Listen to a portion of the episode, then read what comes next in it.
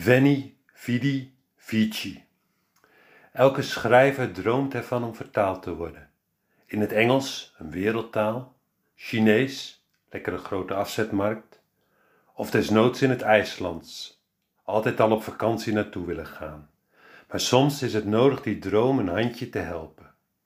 Zeker als je zoals ik een totaal onbekende schrijver bent, die slechts een paar met de hand gedrukte bundeltjes, in kleine oplagen, heeft uitgegeven. Bij een uitgeverij notabene gevestigd in Houwerzijl, een vlek in Noordwest-Groningen.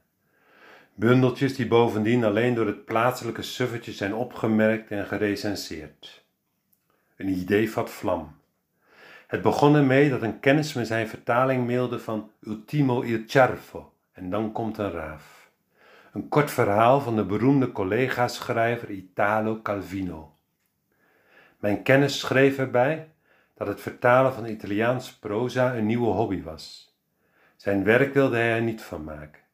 Vertalers zijn immers de moderne slaven van het boekenvak. Ze werken onder enorme tijdsdruk en worden armoedig betaald. Maar in mijn hoofd lichtte een vonkje op en het idee vatte vlam. Ik vroeg mijn kennis of hij al eens proza andersom had vertaald, uit het Nederlands in het Italiaans. Dat had hij nog nooit gedaan, maar leek hem een leuke uitdaging. Ik mailde hem per omgaande mijn De fotograaf en de vogel. Volgens het plaatselijke suffertje een knap geschreven en razend spannende vertelling. Revista Literiaria.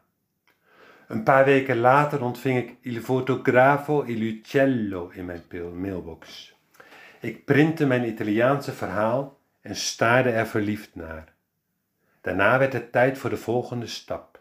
Het was even zoeken naar een geschikt Italiaans literatuurtijdschrift. Een rivista letteraria. Mijn kennis zorgde voor de begeleidende tekst. Ik wacht nu nog op een reactie. Maar in deze coronatijd is geduld een schone zaak. Het hele leven vertraagt en dat geldt zonder twijfel ook voor een Italiaans literair tijdschrift. Ik twijfel niet aan mijn succes. De publicatie in het tijdschrift vormt slechts het begin. Uitgevers schrikken wakker als ze Il Fotografo e l'Uccello lezen en vragen zich vertwijfeld af wie toch die Onno Weggemans is. Die onuitspreekbare naam moet wel een pseudoniem zijn. Welke schrijver gaat achter het kleine meesterwerk schuil? Na Elena Ferrante is er een nieuw raadsel ontstaan. Een romantische triomftocht. Op een geschikt moment ga ik me openbaren. De voorbereidingen zijn gedaan. Mijn Armani jeans ligt klaar. Mijn vrouw heeft haar pumps van Verraccio gepast. We reizen met de trein. Op die manier bedwingen we net als Hannibal de Alpen. Bovendien past een treinreis bij de romantiek van het schrijversvak. Journalisten staan in de rij voor interviews Boekhandels puilen uit als ik mijn opwachting maak. Uitgevers wapperen met lucratieve contracten. Mijn trip zal een triomftocht zijn. Veni, vidi, vici. Korte update. Ik schreef het bovenstaande ruim een half jaar geleden en heb nog steeds geen reactie ontvangen.